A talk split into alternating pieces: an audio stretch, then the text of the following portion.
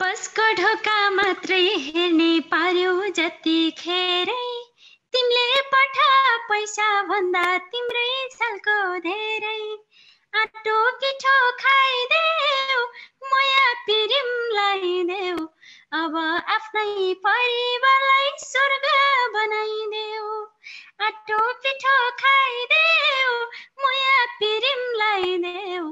अब आफ्नै परिवारलाई स्वर्ग बनाइदेऊ थ्याङ्क यू सो मच यो चाहिँ विदेशमा बस्नु विदेशमा बस्नु हुने युवा हाम्रो दाजुभाइहरूको लागि हो यो गीत विशेष र स्वदेशमा बसेको हाम्रो आफ्नो परिवारले चाहिँ अब सम्झिँदै गाएको सङ्ग हो यो एउटा मिठो तपाईँको अपकमिङ गीतको लागि आजको यो के छ हालखबरमा यहाँहरू सबैलाई स्वागत छ। आज हामीले बेसिकल्ली युवाहरू जो आन्दोलित हुनुहुन्छ सडकमा अहिले धेरै खालको समस्याहरू देशमा छ तर पनि त्यो समस्याभन्दा पनि ठुलो समस्या अहिले सरकारको कार्यशैली हो र यसलाई नसुधारेसम्म हामी अरू समस्याहरू सुधार्न सक्दैनौँ। हामीलाई गभर्नेन्सको कुरामा सुधार चाहिएको छ। शासकीय क्षमतामा हामीलाई राज्यका नीति नियमहरूमा सुधार चाहिएको छ र त्यो नै सुधारको एउटा केन्द्र हो।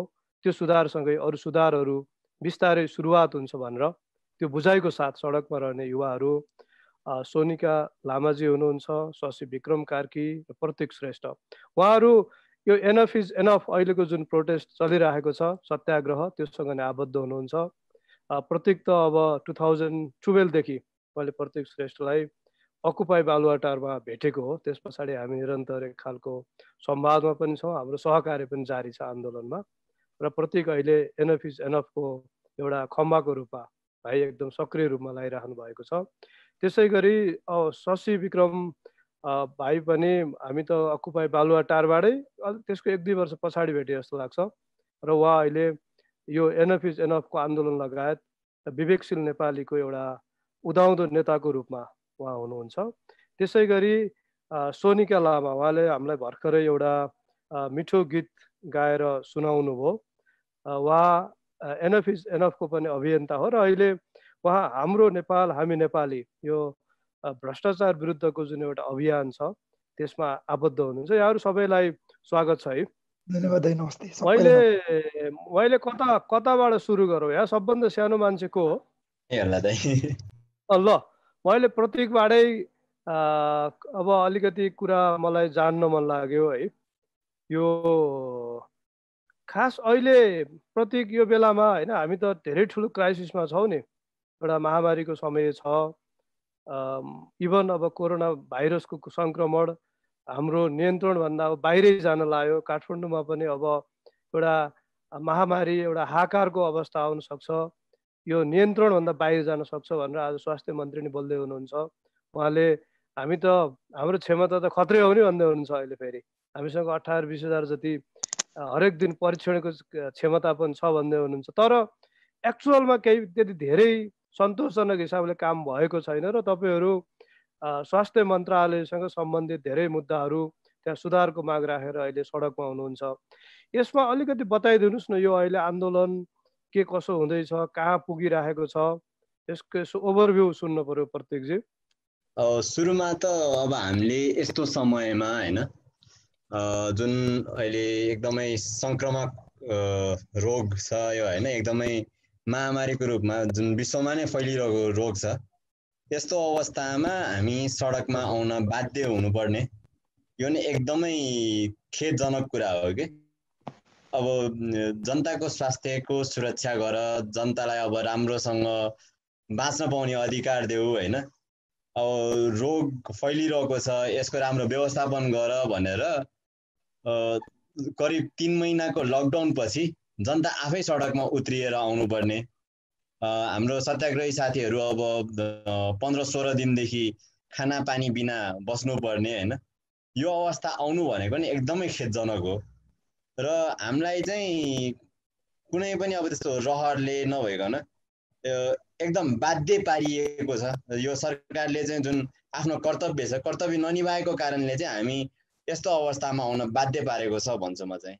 अनि सुरुमा पनि त कति सत्याग्रह त दस कति बाह्र दिन जतिमा तोडेको होइन? त्यहाँ सम्झौता पनि भयो सरकारसँग होइन? त्यसपछि के भयो खास? फेरि यति छिटो किन सत्याग्रहमै जानु परेको हो। अब सुरुमा हाम्रो साथी इ र पुकार बमदाई बस्नु भएको थियो होइन? उहाँसँगै हाम्रो सुदन गुरुङ र सुबानी पनि बस्नु भएको थियो।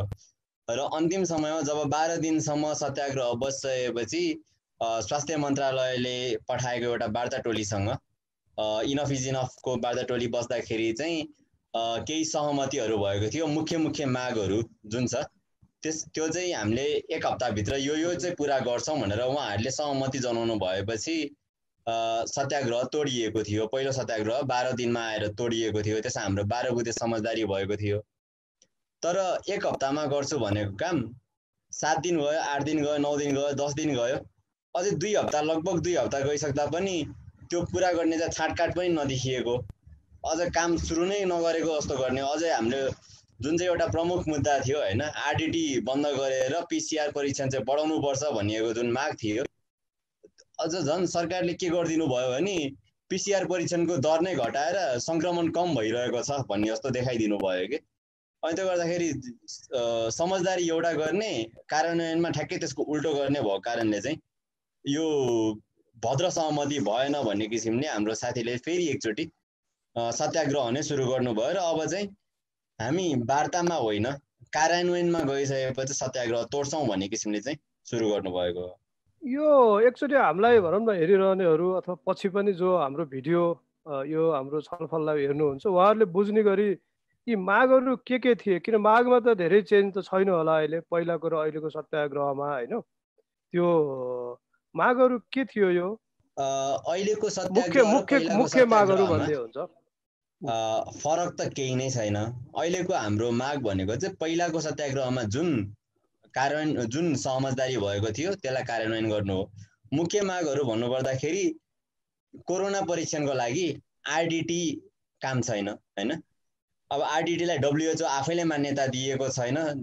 त्यही भएर हामीले आरडिटी परीक्षणलाई चाहिँ होइन पिसिआर परीक्षणको चाहिँ दायरा बढाउनु पर्यो। अर्को भनेको यो जुन चाहिँ क्वारेन्टाइन फेसिलिटीहरू जुन सरकारले बनाएको छ होइन? तिनीहरूको राम्रो व्यवस्थापन हुनु पर्यो। अब हाम्रो गाउँघरमा अब कतिपय ठाउँमा विद्यालयहरूमा बनाइरहनु भएको छ कतिपय ठाउँमा गोठलाई नै क्वारेन्टिन बनाउनु भएको छ। अब त्यहाँ क्वारेन्टिन बनाएको ठाउँमा पनि राम्रो व्यवस्थापन छैन होइन? सबै ठाउँमा मान्छेहरूले लिएर आएर राखेको चाहिँ छ। ल यहाँ बस दुई हप्ता बस दुई हप्ता बसेपछि जाऊ भन्ने जस्तो कुरा गर्नुभएको छ होइन?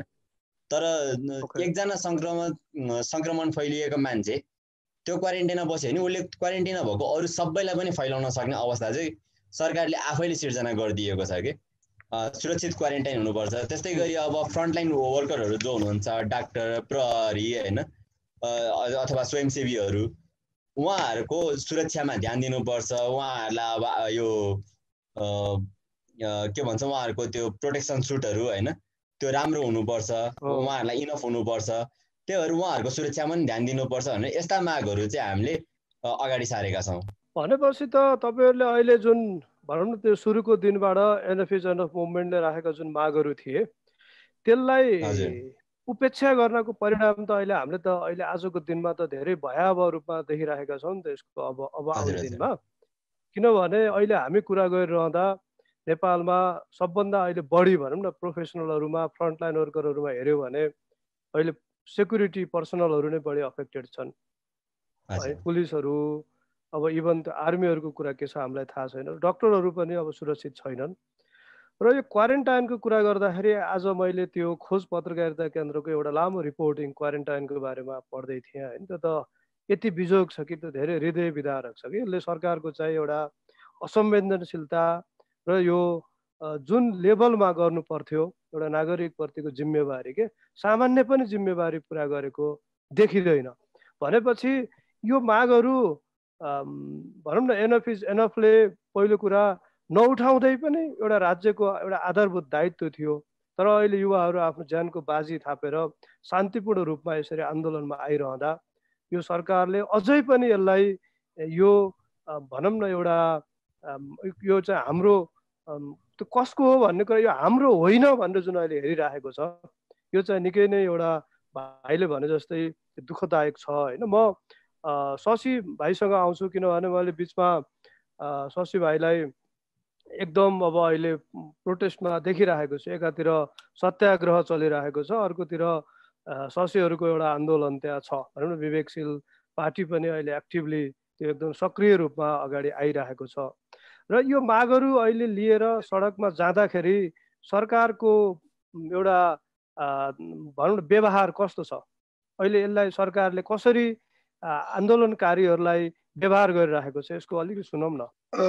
दाइ मेरो स्वर अलिकति भाषाको छ त्यही भएर म क्षमा चाहन्छु। सकेसम्म स्पष्ट हुने गरी बोल्ने प्रयास हिजोको धरपकडमा यस्तो भयो। एकछिन अगाडि चाहिँ म न्युज ट्वेन्टी फोरमा स्वास्थ्य मन्त्रालयका प्रवक्ता जा डक्टर जागेश्वरको इन्टरभ्यू हेर्दै थिएँ। हाम्रो एकजना आलोक सुवेदी पनि त्यसमा हुनुहुन्थ्यो। र उहाँको प्रस्तुति कस्तो थियो भन्दा हाउभाउ बोलीचाली बुझाउने तरिका चाहिँ आजभन्दा चालिस वर्ष अगाडिको जमिनदारको जस्तो थियो। उहाँको बोली। र र मलाई के डाउट छैन भने जगेनाथ दाई डक्टर जागेश्वरले सरकारको प्रतिनिधित्व गर्नुहुन्छ र डाक्टर जागेश्वरमा सरकारको प्रतिबिम्ब झल्किरहेको थियो। अर्थात् सरकार सरकार जस्तो रूपमा नभएर अहिलेको समयमा आजभन्दा अस्सी वर्ष अगाडि नब्बे वर्ष अगाडिको जमिनदारहरूको रूपमा प्रस्तुत भइरहेछ। सत्य यही नै हो। तपाईँले केपी ओलीको कुरा सुन्नुहोस् तपाईँले भानुभक्तको ढकालको कुरा सुनौ अथवा अथवा सरकारको बचाउ गरिरहेका कुनै पनि नेता नेत्री समग्र नेतृत्वहरूको कुरा सुन्यो भने उहाँहरूको टोनमा चाहिँ त्यो जमिनदारी पारा आउँछ भने मतलब ओइ हेरै तिमीहरू भनेको चाहिँ कोही पनि होइन। बुझ्यौ हामी नै उठालु भनेको हामी नै हो। हामीले भनेको कुरा मान्नुपर्छ। भन्ने किसिमको चाहिँ र हामी नै हो। जनताले हामीसम्म अहिलेसम्म चुनेर पठाएको हामी नै हो। हामीले नै गर्ने हो। भन्ने किसिमको एउटा चाहिँ जमिनदारी पारा भन्छु मेरो आफ्नो शब्दमा चाहिँ। त्यो पारामा सरकार छ र यो सरकार ओली सरकार मात्रै होइन कि यसभन्दा अगाडिका देउबा सरकार अथवा जुन जुन सरकारहरू त्यही सरकारकै निरन्तरताको पारा हो भन्छु दाइ म चाहिँ। अनि अब म सोनिकाजीसँग आएँ है तपाईँ अब अहिले पछिल्लो समय एकदम सक्रिय रूपमा एउटा भ्रष्टाचार विरुद्ध पनि लागिराख्नु भएको छ। एनफ इज एनफको पनि त्यो आन्दोलनमा सोलिडारिटी मात्रै होइन कि तपाईँले जिम्मेवारी पनि लिएर त्यो एउटा एज अ समूह भनौँ टिमको रूपमा काम गरिराख्नु भएको छ। यो यसरी अहिले अगाडि बढिरहँदा र सडकबाट सरकारको क्रियाकलापहरू हेर्दाखेरि होइन तपाईँ एउटा महिला पनि हो यो बिचमा अब धेरै महिला हिंसाका घटनाहरू पनि छन् एउटा अब विभेदका कुराहरू पनि त्यसै गरी आइरहेका छन् होइन एउटा समग्र हाम्रो अहिले समाजमा घटेका घटनाक्रमहरूलाई लिएर सडकबाट सरकारलाई हेर्दाखेरि तपाईँले देख्ने दृश्य के हुन्छ? कस्तो देख्नुहुन्छ तपाईँले हरेक दिन? मैले चाहिँ मेरो नजरले चाहिँ होइन मेरो नजर मात्र नभएर सारा नेपालीको सारा नेपाली दाजुभाइ तथा दिदीबहिनीहरूको नजर चाहिँ सरकारलाई हेर्ने नजर चाहिँ अहिले सरकारले हामीसँग गरिरहेको व्यवहार चाहिँ उहाँहरूको चाहिँ गुन्डा नै हो क्या। राक्षस राक्षस तरिकाले नै हेरिराख्नु भएको छ र उहाँहरूले व्यवहार गर्ने सडकमा उत्रेका हाम्रा आन्दोलित दाई अब हुन्छ नि साथीहरूलाईदेखि लिएर अब हरेक कुराहरू चाहिँ उहाँहरूको मेरो मात्र नभएर सारा नेपालीको नजरमा चाहिँ उहाँहरू एउटा गुन्डा नै हो। म चाहिँ गुन्डा गुन्डाको नजरबाट उहाँहरूलाई चाहिँ गुन्डा नै देखिन्छु कि। यसलाई एक्सप्लेन गर्नुहुन्छ अलिकति? तपाईँले अलिकति यसलाई सहज हुन्छ भने हाम्रो किनभने त्यो एउटा जिम्मेवार शासकको त कुरा अर्कै हुन्छ होइन? तर अब गुन्डा नै हो भनेर भनिसके पछाडि त्यो गुन्डा गर्दीका ती शैलीहरू होला नि त्यसका काम गर्ने तरिकाहरू अथवा तपाईँहरू सडकमा गइरहँदाखेरि तपाईँहरूलाई गर्ने व्यवहारहरू एकचोटि अलिकति बताउनुहोस् न यसलाई। उहाँहरूको गुन्डा गर्दी त अस्ति अब सबैजनाले हजुरहरूले पनि देख्नुभयो होला। हामी चाहिँ यही यीहरूको लागि चाहिँ यी यीको जीवन रक्षा अनि यीको लागि चाहिँ इनफ इज इनफको लागि हामी विवेकशील नेपाली दल अनि हाम्रो नेपाल के अरे हामी नेपाली भ्रष्टाचार विरुद्धको अभियानका अभियन्ताहरू सबैजना एकजुट भएर चाहिँ के अरे बालवाटार मा चाहिँ अब सबैजना जुट भएर बालुवाटारमा चाहिँ यो विरुद्धमा उठेका थिए आवाजहरू लिएर गएका थिए। जान नपाउँदै पुरै बाटोमा कुन आन्दोलन आन्दोलनकारी कुन अब कुन चाहिँ बाटोमा हिँडेका युवा के अरे बटुवाहरू होइन कसैलाई केही नबनिकन झ्याम झ्याम निकालेको छ हानेको छ। अब महिला प्रहरीहरू महिला महिलालाई त महिला प्रहरीहरूलाई खटाउनु पर्छ नि महिलालाई समाउनलाई। पुरुषले नै समातेको छ हानेको छ। अब एउटा के भन्छ हाम्रो यो झन्डा राष्ट्रिय झन्डालाई पनि उनीहरूले च्यातेर पुरै त्यो राष्ट्रिय झन्डाको त्यो ऊ चाहिँ लाठी निकालेको छ त्यही लाठीले हानिदिएको छ होइन? हरेक ठाउँमा छ। हाम्रो यो सडकदेखि लिएर हामी पुग्ने एउटा सरकारी कार्यालयमा मलाई मलाई मलाई यसमा यसमा यसमा भन्नुहोस् न। तपाईँहरूले यसरी सडकमा जहाँ गयो त्यहीँ तपाईँहरूलाई समातेर गाडीमा लिएर जानुपर्ने गरी तपाईँहरूलाई एक्लै दुक्लै हुँदाखेरि थिचोमिचो गर्नुपर्ने गरी अथवा तपाईँहरूलाई अपराधी जस्तो गरी व्यवहार गर्नुपर्ने त्यो काम तपाईँहरूले के गर्नु जानुभयो त्यो सडकमा? चोर्नु जानुभयो। काम त चोर्न होइन। हामीले सम्पूर्ण नेपालीको जीवन रक्षाको लागि हामी हाम्रो अब यी भाइ नै भयो पन्ध्र आज सत्र दिन भयो होइन। उसको जीवन रक्षाको लागि सरकारले किन सरकार सुतिरहेका छन् किन त भन्ने एउटा सरकारलाई उठाउनको लागि हामी सबैजना युवाहरू जम्मा भएर हामी गएका थियौँ कि? होइन? यो सबै सबै चाहिँ हाम्रो सरकारको चाहिँ आँखा किन खोलेन? यो सरकारलाई चाहिँ सरकारलाई एउटा दबाब दिनको लागि हामी सबैजना युवा एक भएर हामी चाहिँ सरकारको आँखा खुल्लाउँछौँ सुतिरहेको सरकारलाई चाहिँ उठाउनको लागि हामी जाँदाखेरि हामीलाई त्यस्तो खालको व्यवहार गरिन्छ सर। गरियो। प्रत्येक भाइलाई यसमै अलिकति यो अहिले आन्दोलन भइरहँदाखेरि के जनरल्ली मैले एउटा के सुनिरहेको छु भने एकातिर युवा आएनन् भन्ने। अनि अर्कोतिर युवाहरू आउँदाखेरि युवाहरूले युवालाई बुझ्न नसकेको युवाले युवालाई सहयोग गर्न नसकेको युवाले युवालाई विश्वास गर्न नसकेको युवाहरूको नेतृत्वमा। त्यो खालको चाहिँ एउटा त्यो पिक्चर देखिन्छ कि बाहिरबाट हेर्दा। तर प्रत्येक भाइहरू अब जो अहिले दैनिक सडकमा गइरहँदाखेरि यो मुद्दाहरू उठाइरहँदाखेरि युवाले यो अहिलेको युवाहरूको आन्दोलनलाई बुझेका छन् जस्तो लाग्छ? धेरै हदसम्म चाहिँ बुझेका छन् नै भन्छु म होइन? हो एक किसिमको डर भन्नु कि शङ्का एक किसिमको शङ्काले दृष्टिले चाहिँ हेरिन्छ होइन? किनकि अब हाम्रो इतिहास नै हेर्दाखेरि अब धेरै अगाडिको नि होइन? अब अहिलेकै युवा जमातले देख्ने इतिहास भनेको पछिल्लो पाँच दस वर्षको हो होइन? त्यतिको पाँच दस वर्षको मात्रै इतिहास हेर्ने हो भने पनि विभिन्न राजनैतिक दलहरूले विभिन्न राजनैतिक शक्तिहरूले युवाहरूलाई कुनै न कुनै रूपमा प्रयोग गरि नै रहेका छन्। अनि अब आफ्नो राजनीतिक स्वार्थको लागि प्रयोग हुँदा हुँदा हुँदा हुँदा अहिले युवाहरूले चाहिँ कसैलाई पनि विश्वास गर्न नै छोडे कि। जति नै सुकै राम्रो माग भए पनि जति नै राम्रो सुकै राम्रो मुद्दा भए पनि यो होइन होला। यो त यसले गरेको होला यो त यसको लागि गरेको होला भनेर त्यो शङ्कालु दृष्टिले हेर्ने चाहिँ पक्कै पनि छ र हाम्रो यो इनफ इज इनफको पनि सुरुवाती दिनहरूमा धेरैजना साथीहरूले त्यही भन्नुभयो होइन? यो त यो पार्टीले चलाएको यसमा त यसको घुसपैठ छ यिनीहरूले यतिकै गरेको भनेर त्यो भन्नुभयो।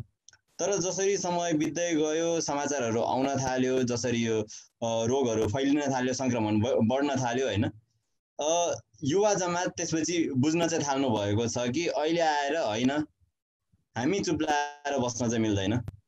अहिले धेरै साथीहरू यतिसम्म जागरुक चाहिँ भइसक्नु भएको छ कि हामी चुप लाएर बस्यो भने अहिलेकै स्थितिलाई नै हामीले सहेर बस्यौँ भने अब चाहिँ गाह्रो हुन्छ। आज हामी बोलेनौँ भने भोलि हामी बोल्नै नसक्ने स्थितिमा पुग्छौँ भन्नेसम्मको चाहिँ अहिले बुझिसक्नु भएको छ अथवा बुझिरहनु भएको छ जस्तो चाहिँ मलाई लाग्छ। ओके थ्याङ्क यू शशी भाइ यो हाम्रो भनौँ न एउटा कस्तो भने मुभमेन्टमा जहिले पनि के?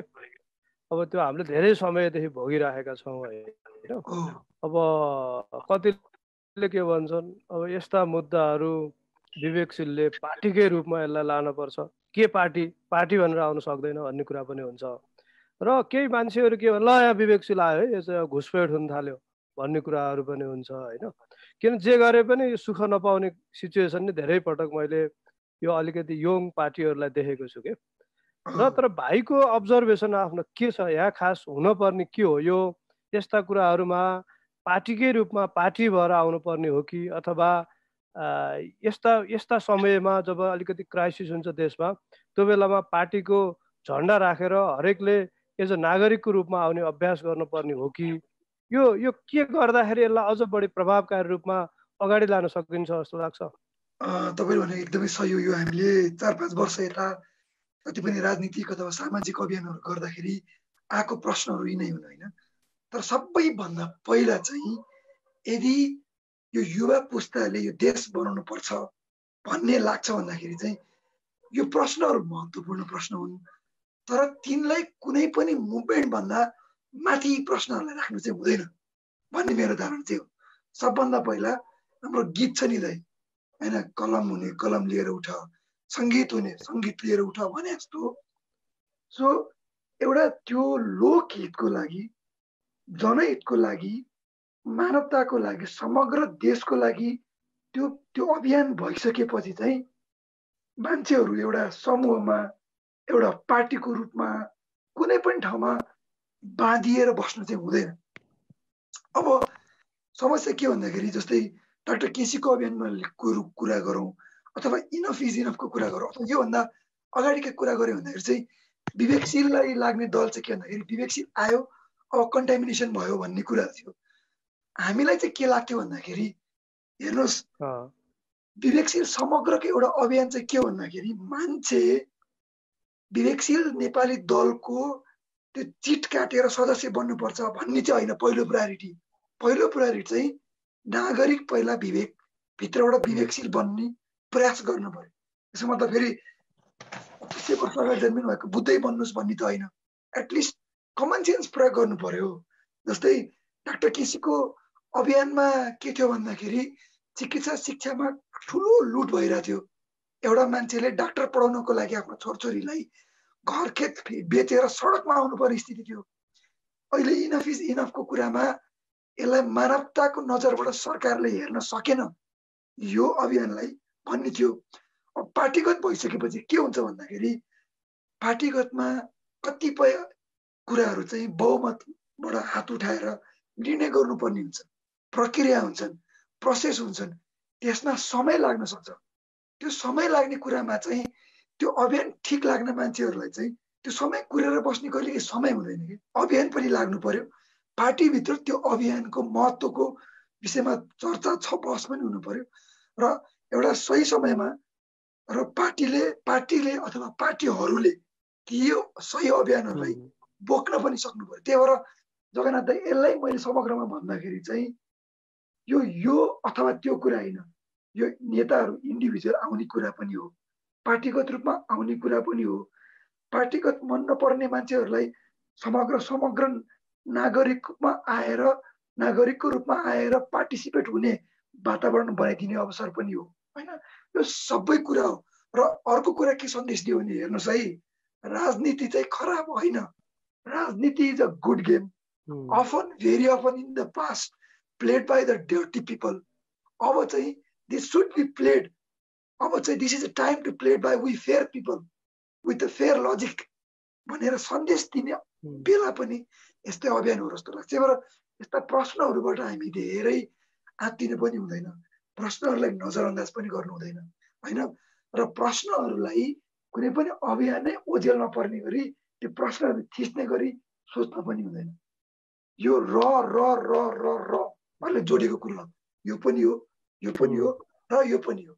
त्यही भएर हामी युवाहरूको एउटा महत्त्वपूर्ण जिम्मेवारी के छ भने पार्टीमा बसेका साथीहरूले भनेपछि भाइले अहिले किनभने त्यो अलिक अलिकति स्वर स्व स्वरले पनि अलिकति आज साथ दिएन होइन? मैले भनेको कुरामा मैले अलिकति अलिकति म समराइज गरिदिन्छु मैले बुझेको है?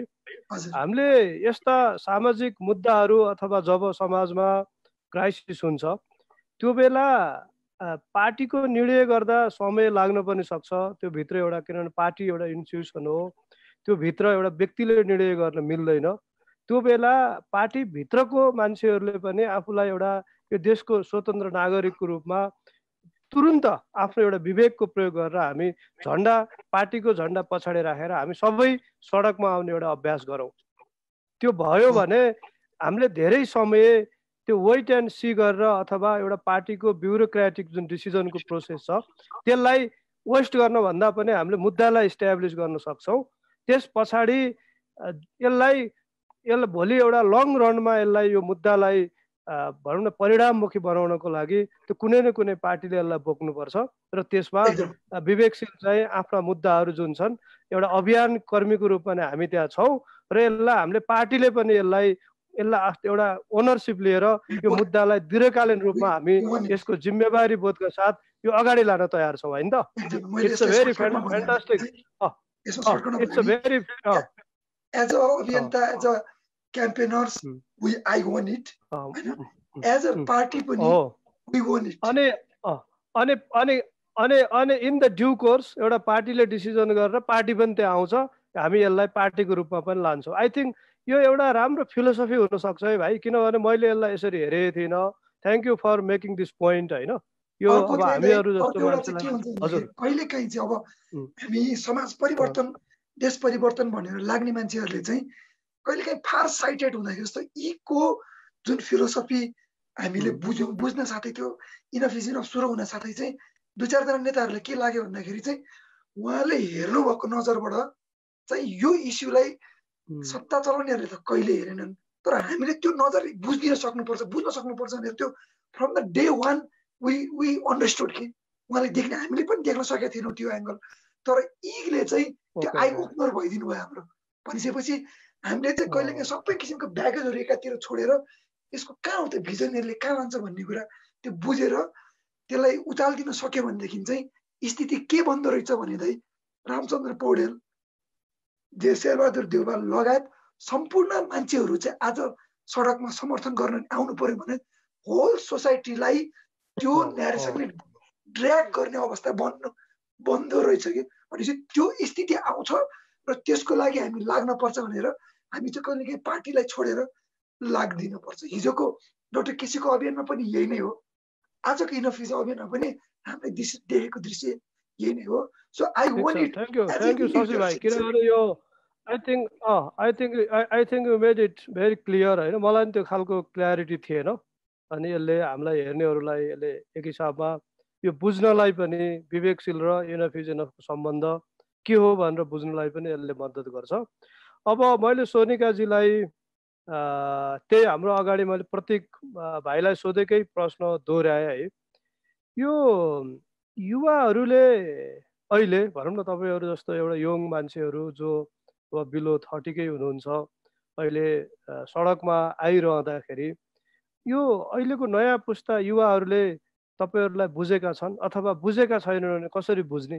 अहिले चाहिँ अब नबुझ्ने युवाहरू त अब हन्ड्रेडमा जस्तै ट्वेन्टी पर्सेन्ट जति नै होला सायद होइन? सायद हामीले बुझाउन पनि नसकेको होला होइन? अब बुझ्नलाई चाहिँ बुझ्ने युवाहरू चाहिँ अब यति पर्सेन्ट नै छ होइन? किन भन्दाखेरि हामी सडकमा उत्रिँदाखेरि नै देखि देखिन्छ कि? हाम्रो युवाहरू चाहिँ कतिसम्म चाहिँ आक्रोशित छ यस्ता खालको उहरू अब सरकारको व्यवहारहरूबाट कति कतिसम्म चाहिँ हामी युवाहरू यस्तो एकजुट भएर चाहिँ हिँडिरहेका छन् कतिसम्म युवाले चाहिँ अहिलेको सिचुएसन चाहिँ बुझेको छ होइन? अब त्यहाँ हामीले सडकमा उत्रिँदाखेरि नै अब सबै कुराहरू चाहिँ देखिन्छन् कि सर? अहिले चाहिँ अब म चाहिँ के भन्छु भन्दाखेरि अहिले हन्ड्रेड पर्सेन्ट चाहिँ बुझेको छैनन् होइन? बुझ्ने नबुझ्ने युवाहरूलाई चाहिँ अब फेरि पनि हामीले होइन अब हाम्रा हरेक गतिविधिहरू हेरेर चाहिँ बुझ्न सकिन्छ होइन। अब त्यही त नि अब सरकार अब सरकार दोषी कि अब युवा दोषी भन्ने कुराहरू पनि अघि हामीले अब हाम्रो इन्टरभ्यूमा अब अघि दाईले भन्नु शशि शशि विक्रम दाईले भन्नुभएको उसको अब हाम्रो आलोक दाईको चाहिँ अब इन्टरभ्यूमै थाहा पाइहालेँ होइन। अब युवा युवा दोषी कि सरकार दोषी भन्दाखेरि चाहिँ अब तपाईँ हामीले नै देखिरहेको कुरा हो होइन? सिमानामा बसेर पैसा लिँदै भारतीयलाई चाहिँ भित्र छिराउने होइन? अब सिमानामा सिमानामा बसेका मान्छेहरूले होइन? अब रक्षा गर्न बसेका मान्छेहरूले चाहिँ अनि पैसा लिँदै सिडिओले चाहिँ पास बाँड्दै होइन? अनि भोक भोकै बसेका युवाहरू चाहिँ कसरी दोषी हुन्छ होइन? अब यस्ता खालको चाहिँ अब क्वेसनहरू पनि छ अनि त अब बुझ्नुपर्ने। अब त हन्ड्रेड पर्सेन्ट युवाहरूले बुझ्नुपर्ने छ। अहिले अहिले भनौँ न यो अब आन्दोलनको हिसाबमा नआइसकेका कुराहरू हुन नै सक्छन् कति होइन? तर तपाईँहरूको जुन अभियानको साथीहरू बिच के अहिले धेरै अब भेटघाटमा अफिसमा बाहिर यसो फर्मल होइन इन्फर्मल ग्यादरिङहरूमा तपाईँहरूले धेरै चाहिँ छलफल गर्ने विषय अहिले के हुन्? के को बारेमा बढी धेरै कुरा हुन्छ?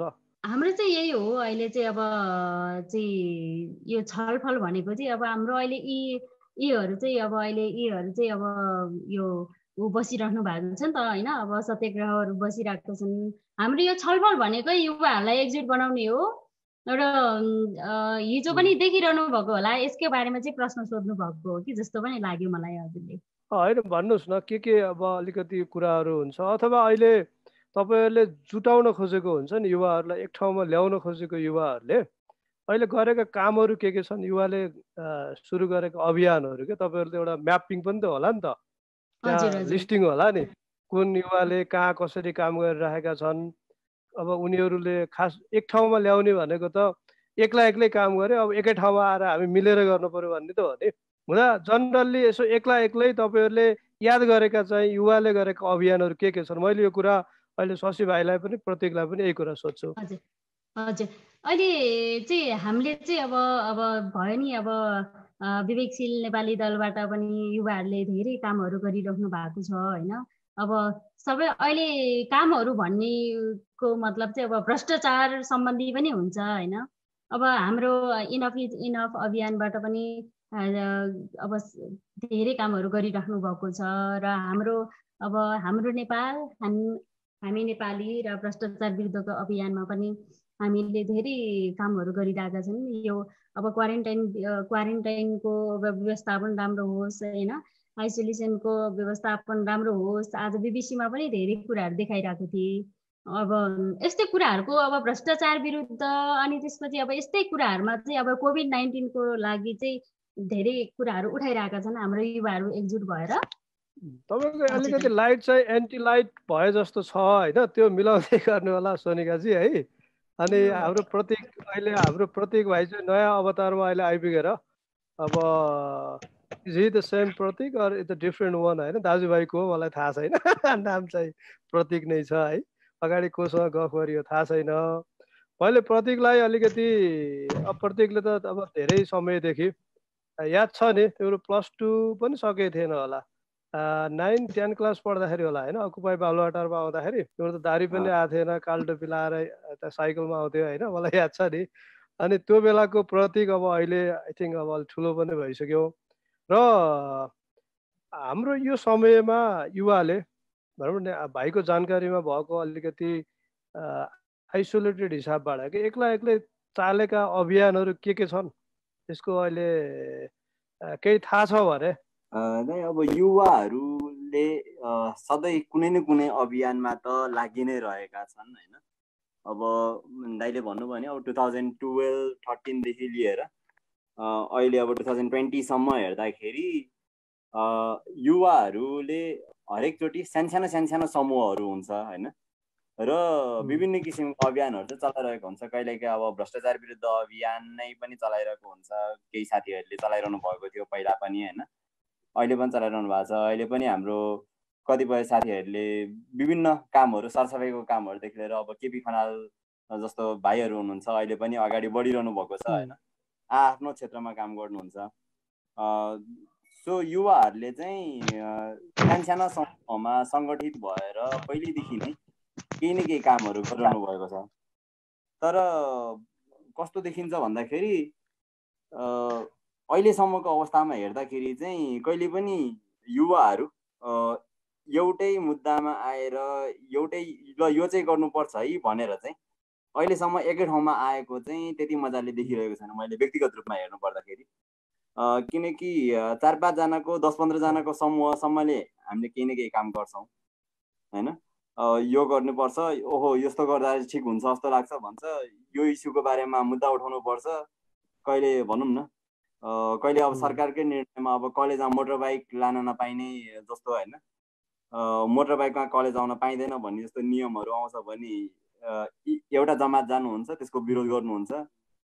अर्को जमातको युवाहरू गएर ल यहाँ चाहिँ यो भइरहेको छैन है। यसलाई मिलाउनु पर्छ यो सुशासनसम्म भएन सुशासन भएन यो। भनेर यसको लागि आवाज उठाउनुहुन्छ। तर अब कुनै समयमा चाहिँ अब बन्द धेरै भयो बन्द हुनु हुँदैन भनेर आवाज उठाउनुहुन्छ भने अहिलेसम्म देख्दा चाहिँ अब एउटै मुद्दामा सबै युवाहरू आउने त्यो चाहिँ मैले अहिलेसम्म चाहिँ एकदम दुःखद रूपमा भन्नुपर्छ त्यस्तो चाहिँ देखेको छैन। र सायद मैले मैले एउटा एउटा यसमै यसमै मैले हामी पछाडि यो युवालाई कसरी अब जोड्ने होइन एउटा हाम्रा यस्ता छुट्टा छुट्टै आन्दोलनलाई कसरी ठुलो बनाउने भन्ने कुरा हामी लास्टमा गर्छौँ है। त्योभन्दा अगाडि अहिले के छ भन्दा अहिले इभन एनफ इज एनफको जुन अहिले अभियान छ यसलाई यसका पनि क्रिटिक छन् क्या मान्छेहरू यसलाई पनि आलोचना गर्नेहरू युवा नै छन्। यो चाहिँ सहर केन्द्रित भयो। यो अब मिडल क्लास अप्पर मिडल क्लासको मान्छेहरूले आफूलाई अलिकति खतरा महसुस भइसके पछाडि यो आफ्नो सुरक्षाको लागि यिनीहरू बढी चिन्तित भएर बोले। तर यिनीहरू द भनौँ न एउटा दलितको मुद्दामा त्यत्रो भनौँ न एउटा नरसंहार भयो। युवाहरू मरे नि त्यो एउटा प्रेममा पर्दा त्यो एउटा त्यत्रो जातीय विभेदका कुराहरू छन्। अदालतले त्यो हत्या हिंसाको घटनाहरूमा त्यो खालको एउटा संसारमै नभएको अनौठो खालको फैसला अन्यायपूर्ण फैसला अदालतले गरिदियो। त्यो बाहेक अरू धेरै खालका घटनाहरू समाजमा घटिरहँदाखेरि यी यो यो युवा जमात चाहिँ समावेशिताको सोचबाट पनि यिनीहरू छैनन्। यिनीहरूलाई न्यायको पनि खास मतलब छैन। एकहोरो आफ्नोलाई लागेको कुरा गर्छन् कि जब उनीहरूले आफूलाई असुरक्षा भएर गरे भनेर त्यो चाहिँ प्रिन्टमा पनि छ इन्टरनेसनल पब्लिकेसनमा पनि छ। ती चाहिँ युवा नै छन्। उनीहरू चाहिँ मानव एउटा एउटा फरक खालको पृष्ठभूमिबाट आउनुभएका युवाहरूको त्यो आलोचना छ होइन? त्यसमा भाइको कुरा के छ? किनभने भाइ पनि युवा नै हो। यसमा लगाइराखेको भाइको नै आफ्नो पर्सपेक्टिभ होला। यसमा नसकेको पो महसुस भएछ कि? अथवा यो यसको नेचरलाई अरू युवाहरूले बुझ्न नसकेको हो कि? खास के हो भाइ यो? र अब यो चाहिँ यस्तो कुरा हो। अब यो यहाँको मात्र कुरा होइन यो विश्वव्यापी कुरा हो होइन। अब एउटा उदाहरण रिसेन्ट उदाहरण नै दिन्छु म। अमेरिकामा ब्ल्याक लाइफ म्याटर जुन भयो नि होइन जहाँ अलि रङ्गभेदी किसिमले जब एउटा कालो वर्णको मान्छेलाई चाहिँ गोरो वर्णको प्रहरीले आफ्नो ज्यादतीले मार्नु भयो त्यसपछि ब्ल्याक लाइफ म्याटर भनेर एउटा ह्यासट्यागै छ यो ट्विटरमा ट्रेन्डिङै भयो इन्टरनेसनल रूपमा ट्रेन्डिङ भयो होइन। त्यो लगतै सर्टेन विक्स पछि अल लाइफ म्याटरवाला आयो कि? ब्ल्याक लाइफ म्याटर होइन अरू अरू लाइफहरू पनि म्याटर छ म्याटर गर्छ भनेर आयो। एउटा कुरा चाहिँ के बुझिएन भन्दाखेरि ब्ल्याक लाइफ म्याटर भन्नाले ब्ल्याक लाइफ अन्ली म्याटर भन्ने चाहिँ होइन नि त। त्यो भन्नु भनेको त सबै इम्पोर्टेन्ट छ तर हामीले ब्ल्याक लाइफलाई पनि इम्पोर्टेन्स चाहिँ दिनुपर्छ है भनेको हो होइन? त्यस्तै गरी अब हामीले जब कोभिडलाई कोभिडको रेस्पोन्स राम्रो हुनुपर्छ भन्नाले कोभिडको रेस्पोन्स चाहिँ राम्रो हुनुपर्छ तर अरूतिर चाहिँ हामीले ध्यान दिनु पर्दैन है भनेको होइन कि? अरूतिर पनि ध्यान दिनुपर्छ तर त्यो अरूतिर ध्यान दिँदा दिँदै हामीले कोभिडलाई चाहिँ बिर्सिनु हुँदैन भन्न खोजेको हामीले चाहिँ। अब कोभिडले न धनी भन्छ न गरिब भन्छ न गोरो भन्छ न कालो भन्छ सबैतिर आउँछ होइन? अब एकजनालाई लगाइसकेपछि मलाई लाग्यो भने मैले आफ्नो समुदायमा फैलाउन सक्छु मैले जानेर फैलाउन सक्छु मैले नजानेर पनि फैलाउन सक्छु। त्यो समयमा चाहिँ सरकारले अलिकति जागरुक भएर सरकार अलिकति सक्रिय भएर लाग्यो भने चाहिँ त्यो रोक्न सक्छ। सरकारले अलिकति सक्रियता देखायो भने त्यसलाई चाहिँ समुदायमा फैलिनबाट रोक्न सक्छ। त्यस कारणले चाहिँ सक्रिय भइदेऊ सरकारले आफ्नो काम गरिदेऊ भनेको अब कतिपय साथीहरूले चाहिँ यसरी लिएर आउनुभयो कि अब सर्टेन माइती घरकै माइती घरमा जब हामीले प्रदर्शन गर्ने कुरा भयो त्यो बेला नै यो त अराष्ट्रिय तत्त्वहरूले गरेको होइन? हामीले नयाँ नक्सा पारित हुने दिनमा गऱ्यो यिनीहरू चाहिँ अन्तबाट परिचालित हो यिनीहरूले नक्साको विरोध गर्यो भन्नुभयो। तर हामीले अब अरू कुनै मुद्दाको विरोध गरेको होइन होइन? हामीले चाहिँ अरू मुद्दाहरू अगाडि लग्दै गएर अरू पनि इम्पोर्टेन्ट छन् होइन? तर अरू सँगसँगै यो पनि इम्पोर्टेन्ट छ। यो कुरालाई चाहिँ तिमीले बिर्सिनु हुँदैन है। अरूलाई लग्दा लग्दै यो कुरालाई साइडमा लाग्नु हुँदैन। जसरी अहिले सरकारले अब आफ्नै कुर्सी बचाउने खेलमा लागिरहनु भएको छ। उहाँलाई कुर्सी बचाउनु इम्पोर्टेन्ट होला। तर त्यो सँगसँगै कुर्सी बचाउन सँगसँगै कोभिडको रेस्पोन्स पनि उत्तिकै इम्पोर्टेन्ट छ। उहाँले दुवै काम गर्न सक्नुभयो भने झनै राम्रो हो भन्न खोजेका हौँ कि हामीले। अरू केही पनि होइन। मैले शशीलाई एउटा यहीसँग रिलेटेड एउटा प्रश्न शशी भाइलाई सोध्छु है। यो अब यहाँ नेपालमा भनौँ न अब धेरै कुरा हुन्छ कि किनभने जसरी अहिले एनएफ इज एनएफको एक खालको आलोचना छ बाहिरबाट। र त्यो मैले प्रतीकलाई सोधेको प्रश्न चाहिँ एउटा इन्टरनेसनल पब्लिकेसनमा थियो कि। एउटा हाम्रो नेपाली कोही यङ एउटा अलिकति एक्टिभिस्टले पनि लेख्नु भएको थियो। र यो यो आरोप चाहिँ विवेकशीललाई पनि आउँछ कि विवेकशील पनि सहर केन्द्रित भयो नाम विवेकशील राख्यो तर काम विवेकशील पनि भएन पोलिटिकल पनि भएन। अनि मैले कति यङ पोलिटिकल एक्टिभिस्टहरूलाई कुरा गर्दाखेरि यही कार्यक्रममा नै सोध्छु बोलाउँछु। उहाँहरू हाँस्नुहुन्छ विवेकशील नै पार्टी हो र भनेर। भनेपछि यो यस्ता कुराहरूले यस्ता आलोचनाहरू जुन छन् नि यो सुन्दाखेरि के छ? विवेकशील को अब एउटा खम्बाको रूपमा भनौँ अहिले हामीले हेर्दाखेरि त शशीलाई अब एउटा ठुलो अभियन्ता अर्गनाइजर पनि हो होइन? यो कस्तो लाग्छ? यो यो के हो यो? यो चाहिँ हामीले विवेकशील बुझ्न नसकेको हो कि विवेकशील चाहिँ आफूलाई अरूलाई बुझाउन नसकेको हो यो? सबै अघि भने जस्तै इट्स नट ओन्ली अर होइन? इट्स एन्ड एन्ड हो होइन? सो म चाहिँ विवेकशील नेपाली दलको कार्यकर्ता भनौँ न एकजना अभियन्ता। र एज अ सिटिजन भएर हेर्दाखेरि पनि यो क्वेसन्सहरू समाजमा उठ्ने क्वेसन्सहरूलाई चाहिँ अलमोस्ट के म सबै क्वेसन भन्दिनँ तर धेरै क्वेसन्सहरू आई ओपनर्स हुन्छन्। हामीले त्यसरी हेर्नुपर्छ होइन? र विवेकशील नेपालीकै सम्बन्धमा हेऱ्यो भनेदेखि अब लाइक यो कतिपय अट्याकहरूको अट्याक गर्ने नियतले पनि क्वेसन छ। कतिपय चाहिँ साँच्चीकै माया गरेर केयर गरेर गरेको क्वेसनहरू पनि छ। कतिलाई चाहिँ ल है टेक्निकली होइन अरू केही नभए टेक्निकली त्यो राज राजनीतिक दल हो निर्वाचन आयोगमा दर्ता छ होइन? हामीले यसको यो नयाँ युवाहरू दुई चारजना जम्मा भए यसलाई चाहिँ प्रिजर्भ गर्नुपर्छ। तर तिमीहरूको त्यो पोलिटिकल गुदी चाहिँ के हो? होइन त्यो अझै केयरिङ अझ मोर केयरिङको हिसाबले छ? सो यो सब किसिमको क्वेसनहरू छ। तर म के भन्छु भन्दाखेरि एज अ डिएक्सिन नेपालीको लिडर चाहिँ यो सबै क्वेसनहरू आई ओपनर्सहरू हुन् होइन? यसबाट विचित्र हुनुपर्ने जरुरत पनि छैन होइन? यो समाजमा बसेर राजनीति नै गर्न नसकिँदैछ हो कति धेरै ब्लेम गरेका भनेर आत्तिनुपर्ने कुरा पनि छैन। त्यसमा स्पष्ट भएका कुराहरूमा जवाब पनि दिनुपर्ने हुन्छ।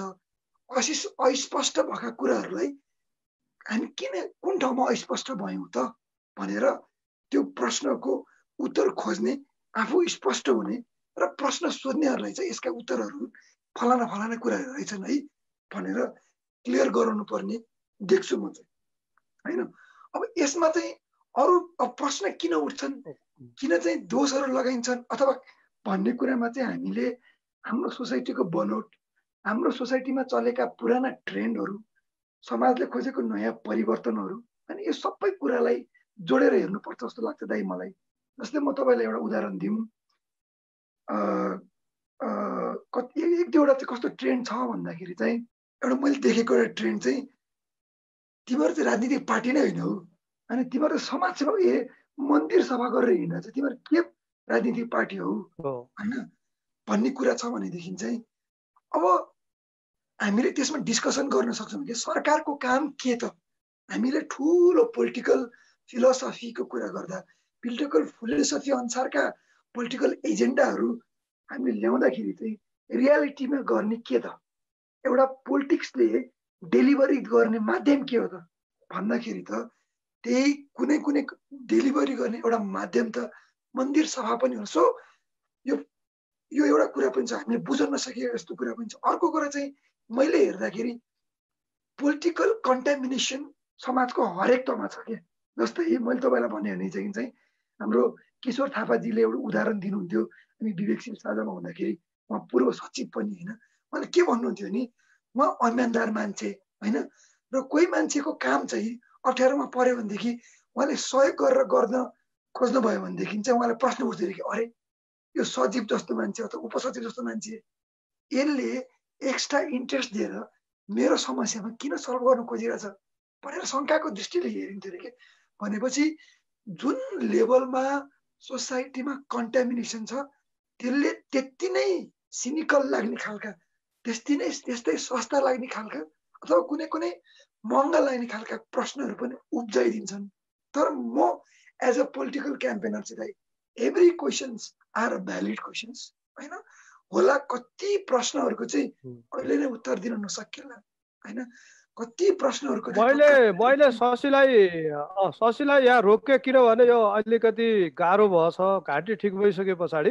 अब एकचोटि यो यो विवेकशीलका धेरै धेरै क्वेसनहरू जुन छन् त्यसमा भाइको जवाब चाहिँ म एकदम एक्सक्लुसिभै खोज्छु किनभने आवश्यक पनि छ।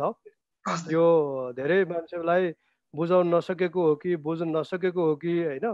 अब त्यो त्यो चाहिँ हामी अलिकति क्रिटिकल्ली छलफल चाहिँ यसमा गर्नै पर्छ। म सोनिकाजीलाई अब सोनिकाजी म सोनिकाजीको जान्छु तर त्योभन्दा अगाडि प्रतीकसँगै यो क्वेसन लास्टमा म शशीलाई पनि आउँछ है।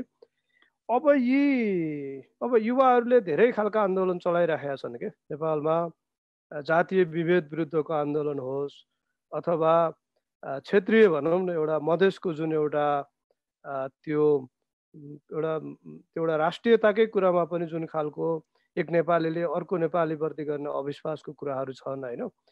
त्यो सबै कुराहरू धेरै आन्दोलन छ क्या मान्छेका त्यो पीडाहरू भनौँ न असन्तुष्टिहरू वास्तवमा सम्बोधन भएको छैन। अहिले यहाँ हेऱ्यो भने जुन खालको चाहिँ एउटा हाम्रो नेपालीको एउटा पीडा भनौँ न त्यो ग्रिभेन्सेस के? भित्र रहेको जुन एउटा दमनको भावना यो त्यो पीडाको बोध थियो नि त्यो खास मेटिएको छैन। तर अहिले के हो भन्दा त्यो नमेटिँदा नमेटिँदै र त्यसलाई मेट्ने उपाय के हो भन्ने कुरा थाहा नहुँदै पनि हाम्रोमा त गणतन्त्र आइसक्यो। तर समस्या जेगोतै छन् है। अब अब त्यसलाई कसरी एड्रेस गर्ने भन्ने थाहा छैन र होपफुल्ली म अब सोनिकाजी नै आउनुभयो है। म सोनिकाजीबाटै यो सुरु गर्छु। अब हाम्रा आन्दोलनहरू के? छरिएका आन्दोलनहरू युवाले गरेका। त्यो चाहिँ राजनैतिक रूपमा होस् स्वरूपमा अथवा एउटा राजनैतिक झन्डा बिना तर मुद्दा चाहिँ राजनीतिकै हुने फेरि ती पनि। किनभने अहिले नागरिकताको लागि बोल्ने मुद्दा होस् अथवा मधेसमा हुने खालको जुन एउटा मधेसमा बस्ने नेपालीहरूको राष्ट्रियतामाथिको प्रश्न होस् हाम्रो वेशभूषाको आधारमा गरिने प्रश्नहरूको कुराहरू होस् जुन अविश्वासको कुरा यो सबै जुन एउटा आत्मसम्मानको लागि हाम्रो समावेशिताको लागि गर्ने जति पनि आवाजहरू हुन् ती सबै राजनैतिक मुद्दा हुन्। त्यो पार्टीले उठाएको र अरू कुनै पार्टीको झन्डा बिना उठाएको भन्ने कुराहरू मात्रै हो। तर यसलाई अब कसरी जोड्ने सोनिकाजी तपाईँहरू पनि एउटा ठुलै आन्दोलनमा हुनुहुन्छ। म चाहिँ यो हाम्रो नेपाल हामी नेपाली अब भ्रष्टाचार विरुद्धमा विरुद्धको अभियानमा चाहिँ अलिक नयाँ छु सर। मैले केही कुराहरू सिक्दैछु होइन? अब यसलाई चाहिँ अब म अहिले व्यक्त गर्न सक्दिनँ होइन? म केही स्टडीहरू गर्दैछु होइन? म अहिले यहाँ बच्चाले अलिकति प्रब्लम बनाइदियो कि मलाई? बच्चा पनि मैले देख्दै थिएँ देख्दै थिएँ। तपाईँले तपाईँले अब बच्चा बोकेर सानो हुँदा आन्दोलनमा गएको फोटोहरू पनि मैले आज यसो हेर्दै थिएँ होइन? भेरी म चाहिँ यो अलिकति बोल्नलाई चाहिँ त्यति अब उ गरेको छैन। बोल्नलाई भन्दा पनि म चाहिँ अलिकति काम गर्नमा चाहिँ विश्वास गर्छु होइन? मैले गरेका कामहरू पनि सबैजना अग्रज दाजुहरूले पनि देखिरहनु भएको छ होइन? म चाहिँ खास एउटा पब्लिक स्पिकर चाहिँ होइन दाइ होइन? त्यही पनि अब हजुरले अब पहिलादेखि नै अब चाहिँ हामी बोलिराखेको हुनाले चाहिँ होइन? म यहाँको हो। र मेरो दाईहरूले अग्रज दाईहरूलाई नै थाहा छ म चाहिँ काम गरेर देखाउने हो खास चाहिँ होइन? यो मेरो चाहिँ बच्चाहरू सानो सानो छ अनि सुत्ने भनेर अब यहाँ यहाँ गरेर मुख थुन्दा थुन्दा हैरान भएछ क्या? अनि अहिले चाहिँ म दस पनि बजिसक्यो होइन? सुन्दै गर्नुहोस् बच्चाहरू सुताउँदै गर्नुहोस् फेरि हाम्रो कुरा त कन्टिन्यू नै भइरहन्छ होइन? डेफिनेटली म म प्रत्येक भाइलाई यही कुरा के अब कसरी जोड्ने भाइ आन्दोलनहरू? यसलाई कसरी अब हरेक आन्दोलनहरूलाई एक ठाउँमा ल्याउने होला? अब त्यही हजुरले आफैले भनिसक्नु भयो होइन। मुद्दाहरू धेरै छन्। र हरेक मुद्दा ठाउँ ठाउँबाट दुई चारजना दस पन्ध्रजना बिस पच्चिसजनाको सानसानो समूहले जसले जहाँबाट सकिरहनु भएको छ आवाज उठाइरहनु भएको छ। तर जबसम्म सानो समूहले मात्र बोल्छ तबसम्म त्यो मुद्दाहरू कहीँ पनि पुग्दैन कि? अब त्यो सानो अवस्थामा हुँदा हुँदा नै कि पेलिन्छ कि थिचिन्छ त्यो कतै पनि पुग्दैन एउटा कुरा चाहिँ अब हामीले पनि के बुझ्नुपर्छ भन्दाखेरि आन्दोलनबाट मात्रै अथवा आवाज उठाएर मात्रै पनि समस्या समाधान भइहाल्ने अब त्यो कुनै पनि कुरा समाधान भइहाल्ने होइन होइन त्यसको लागि अब एउटा नीतिगत रूपमा नै प्रक्रिया चाल्नुपर्ने हुन्छ अब कुनै ऐनहरू बनाउनु पर्छ होला केही गर्नुपर्छ होला होइन सबैको आफ्नो प्रक्रिया हुन्छ। हाम्रो आवाज उठाउने भनेको त्यो ऐन बनाउने त्यो नीति नियम बनाउनेहरूको सम्म त्यो आवाज पुर्याउने हो। हामीले आवाज उठाउने हामीले कुनै पनि अभियान चलाउने हो कि त्यहाँसम्म चाहिँ हाम्रो आवाज यो पुर्याउने हो कि ल यस्तो समस्या छ यसलाई चाहिँ पुरा गर है भनेर आवाज पुर्याउने हो। जुन चाहिँ हाम्रो राजनीतिक नेतृत्व तहमा हुनुहुन्छ सांसदहरू हुनुहुन्छ उहाँहरूसम्म पुर्याउने हो होइन। र हामीले चाहिँ के भन्नुपर्छ भन्दाखेरि त्यो कुन मुद्दा कसको हो त्यसले असर कसलाई गरिरहनु गरिरहेको छ त्यसले कसलाई फाइदा गर्छ त्यसलाई कसलाई घाटा गर्छ त्योभन्दा नि त्यो मुद्दा के हो? र त्यो मुद्दा ठिक छ कि छैन त्यो हेर्नुपर्छ। अब एज अ युथ युवा भएर होइन अथवा एउटा देशको नागरिक भएर पनि हामीले हेर्नुपर्ने कुरा चाहिँ त्यो हो जस्तो लाग्छ मलाई चाहिँ। अब हामीले जहिले पनि एउटा शङ्काको दृष्टिकोणले हेरेर ल यो मान्छे त होइन ठिक छैन जस्तो छ मलाई त्यही भएर यसले उठाएको मुद्दै ठिक छैन होला। यो त यो पार्टीले गरेको यो ठिक छैन होला। भनेर जब हामीले शङ्काको दृष्टिले नै हेर्छौँ सुरुदेखि नै त्यसरी हेर्छौँ भने चाहिँ हामीले साथ दिँदैनौँ कि? त्यही भएर कसले गरेको छ भन्दा पनि त्यो किन गरेको छ त्यसको मुद्दा चाहिँ ठिक छ कि छैन? यदि मुख्य माग ठिक छ हो भने त्यो आफ्नो दुश्मनले नै उठाएको मुद्दा हो भने त्यसमा साथ दिनुपर्छ भन्छु है म चाहिँ। र यदि मुद्दा ठिक छैन भने चाहिँ यदि गलत मुद्दा उठाइरहेको छ भने आफ्नो साथीले नै गरेको छ भने पनि साथ दिनु हुँदैन कि? हामीले चाहिँ त्यो माइन्डसेट लिएर अगाडि बढ्यौँ भने चाहिँ राइट मुद्दाले चाहिँ सबैको साथ पनि पाउँछ र सकभर छिटो नै त्यसको छिनफानो पनि हुन्छ जस्तो लाग्छ मलाई चाहिँ। सरसीलाई यस भाइ अब किनभने अब प्रत्येकको कुरा त क्लियर छ। हामी मुद्दाको उठान गर्ने हो उठाउँछौँ र हामीले नीति निर्माणको तहसम्म यसलाई पुर्याउने हाम्रो काम हो भन्ने कुरा प्रतीकको आयो। अब शशी त अभियन्ता पनि हो। त्यस पछाडि एउटा राजनीति दलको अब ठुलै नेता भन्नु पऱ्यो नि अहिले त। किनभने अहिले अरू दलमा त अब त्यहाँ त ठाउँ हुँदैन। अब अहिले विवेकशीलमा त अब एउटा केन्द्रीय स्तरको नेता होइन। त्यो भइसके पछाडि यसलाई पोलिसीको तहमा नीति निर्माणको कुराहरू चाहिँ कतिको छलफल हुन्छ विवेकशीलमा मानव एनएफ इज एनएफलाई मुद्दा उठायो। यो उठाइसके पछाडि अब भोलि फ्याट भनौँ न उसले सत्तामै गएर यसो केही गर्नु पर्यो भने त त्यसको लागि पनि त तयारी त अहिलेबाट गर्नु पर्यो। अझ विवेकशीलको त पूर्व तयारी भन्ने कुरो त सधैँ छ। भनेपछि यो नीति निर्माणको बारेमा छलफल भनौँ न यसको जिम्मेवारी यसको नेतृत्व लिने कुरामा पार्टीभित्र कतिको छलफल हुन्छ आन्दोलन बाहेक? यो विषयमा हाम्रो पार्टीमा दिनदिनै अनौपचारिक भन्नुहोस् न अब यो औपचारिक समिति राखेर गाह्रो हुँदो रहेछ किन औपचारिक राख्यो। फोरम पुग्ने पुग्नु पर्यो अनि कसैको के कसैको केही इन्टरनेट स्लो होइन अहिले अनलाइन हामीले अनलाइनलाई पनि भ्यालिड गरेका छौँ। त्यही भएर औपचारिक चाहिँ किन राख्न सक्ने टेक्निकल कारणहरूले गर्दाखेरि चाहिँ अनौपचारिक रूपमा चाहिँ हामीले के भन्न सक्छौँ we discussed is almost every day दाइ यो विषयमा होइन। यो यसको नीतिगत सोल्युसन के हो त? होइन भोलि आजको भोलि आजको दिनमा विवेकशील नेपाली चाहिँ पार्टीमा भइदिएको भएको यसको सोल्युसन के हुन सक्थ्यो? होइन? हामीले नेपाल हाम्रो राष्ट्रको भएको सोर्सहरू कसरी प्रयोग गर्थ्यौँ? हाम्रो गाइडिङ प्रिन्सिपल के हुन्थ्यो? भन्ने कुरामा चाहिँ वी डिस्कस एभ्री डे भने जस्तै होइन हरेक कुरामा अनौपचारिक छलफलहरू यसमा एकदमै हामी जिम्मेवार पनि छौँ।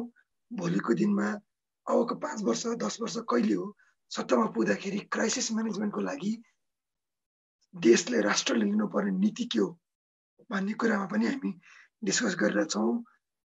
सम्बन्धित मान्छेहरूसँग भेटिरहेछौँ उहाँहरूको लेखहरू पढिरहेछौँ इन्टरनेसनल आर्टिकल्सहरू जति पनि छ पब्लिस भइरहेछ त्यो कुराहरू कसैले पढेको छ भने त्यसको रिभ्यू हामीले गरिरहेछौँ होइन? सो त्यो त्यो लेभलमा छ कुराकानी हुन्छ। अर्को ताइले अघि नै कुराहरू उठाउनु भएको महत्त्वपूर्ण कुरा के छ भने नेपालमा भइरहेका सानसाना सानसाना जति पनि डट्सहरू छन् यो जति पनि इभेन्टहरू छ यसलाई कसरी जोड्न सकिन्छ यो कसरी इभेन्ट ठुलो हुन्छ र तपाईँ हामीले सोचेको जस्तो गभर्नेन्स कहिले आउँछ भन्ने कुरामा पनि हामी दिनदिनै छलफलै छौँ होइन? छलफलमा छौँ र यसमा मैले देखेको कुरा चाहिँ के भन्दाखेरि प्रत्येक दिसँग एकदमै धेरै सहमत छौँ हामी एकदमै सहमत छौँ। यो व्यक्तिगत कुरा भन्दाखेरि पनि विषयगत कुरामा हामी स्टिक हुने हो र विषयगत कुरालाई जोड्नुपर्ने देख्छौँ। तर अहिलेको हाम्रो पोलिटिक्स अथवा पहिला अहिले गरिरहेको पोलिटिक्सले हाम्रो समाजमा के स्पष्ट दिएको छ भन्दाखेरि हाम्रो देशमा चाहिँ विषयगत होइन व्यक्तिगत रूपमा पोलिटिक्स हुन्छन्। हामी कहाँ शेरबहादुर ज्यू देउबाज्यूले के बोल्नु भन्दा नि शेरबहादुर ज्यू देउबाज्यू भन्ने मान्छेले के बोले? होइन शेरबहादुर देउ भन्ने मान्छे देउबा भन्ने को मान्छे हो?